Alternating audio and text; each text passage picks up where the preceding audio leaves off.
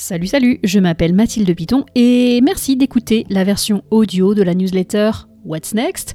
Cette semaine, on fait les choses un peu différemment. C'est pas un essai personnel, c'est pas non plus un article de recommandation, c'est ce qu'on appelle en anglais une thread.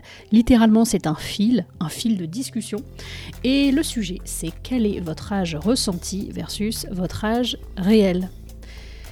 Je vous dis donc qu'on va tenter quelque chose de nouveau dans ce post aujourd'hui, donc la, thread, le fil de discussion. Si ça vous plaît, ben, j'en posterai une fois par mois en alternance des essais et des posts de recommandation.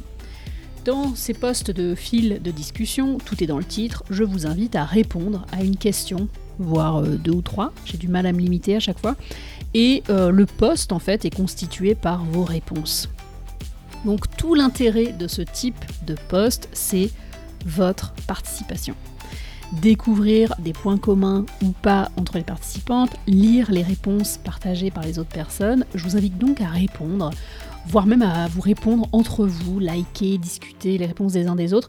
Je ne vais pas vous expliquer comment fonctionnent les réseaux sociaux, mais en gros, c'est à peu près le principe de ce type de post. Sauf que comme ça se passe entre personnes abonnées à What's Next, a priori, bah, c'est des personnes qui sont sympas, qui sont à l'écoute et qui sont là pour passer un bon moment. Vous pouvez répondre, euh, vous pouvez faire des réponses courtes, vous pouvez faire des réponses longues. Bien évidemment, moi je préfère les longues, celles avec des histoires, histoire que vous puissiez rebondir sur, euh, sur des choses. Alors, l'âge ressenti versus l'âge réel, vous savez sans doute ce que ça veut dire. Euh, si vous ne savez pas, bah, c'est ce fait de se dire, moi dans mon cas, de me dire euh, j'ai 40 ans, mais dans ma tête j'ai dot dot dot. Personnellement, j'ai toujours l'impression que j'ai 32 ou 36 ans. Et en fait, cette question, elle vient d'un article qui est paru il y a quelques mois dans, dans un magazine américain qui s'appelle The Atlantic et en anglais, cet article s'appelait The Puzzling Gap Between How Old You Are and How Old You Think You Are. En français, ça donne l'écart étrange entre votre âge réel et l'âge que vous pensez avoir. Cette semaine, j'ai appelé ma mère qui a fêté ses 68 ans et je lui ai demandé si elle se trouvait vieille. Bon, alors promis, je lui ai d'abord demandé si elle allait bien et ce qu'elle avait fait pendant le week-end. Et sa réponse était oui et non. Ça ferait sans doute pas d'elle une super invitée de podcast, mais elle a ajouté tout de même J'aime bien l'idée d'avoir 38 ans.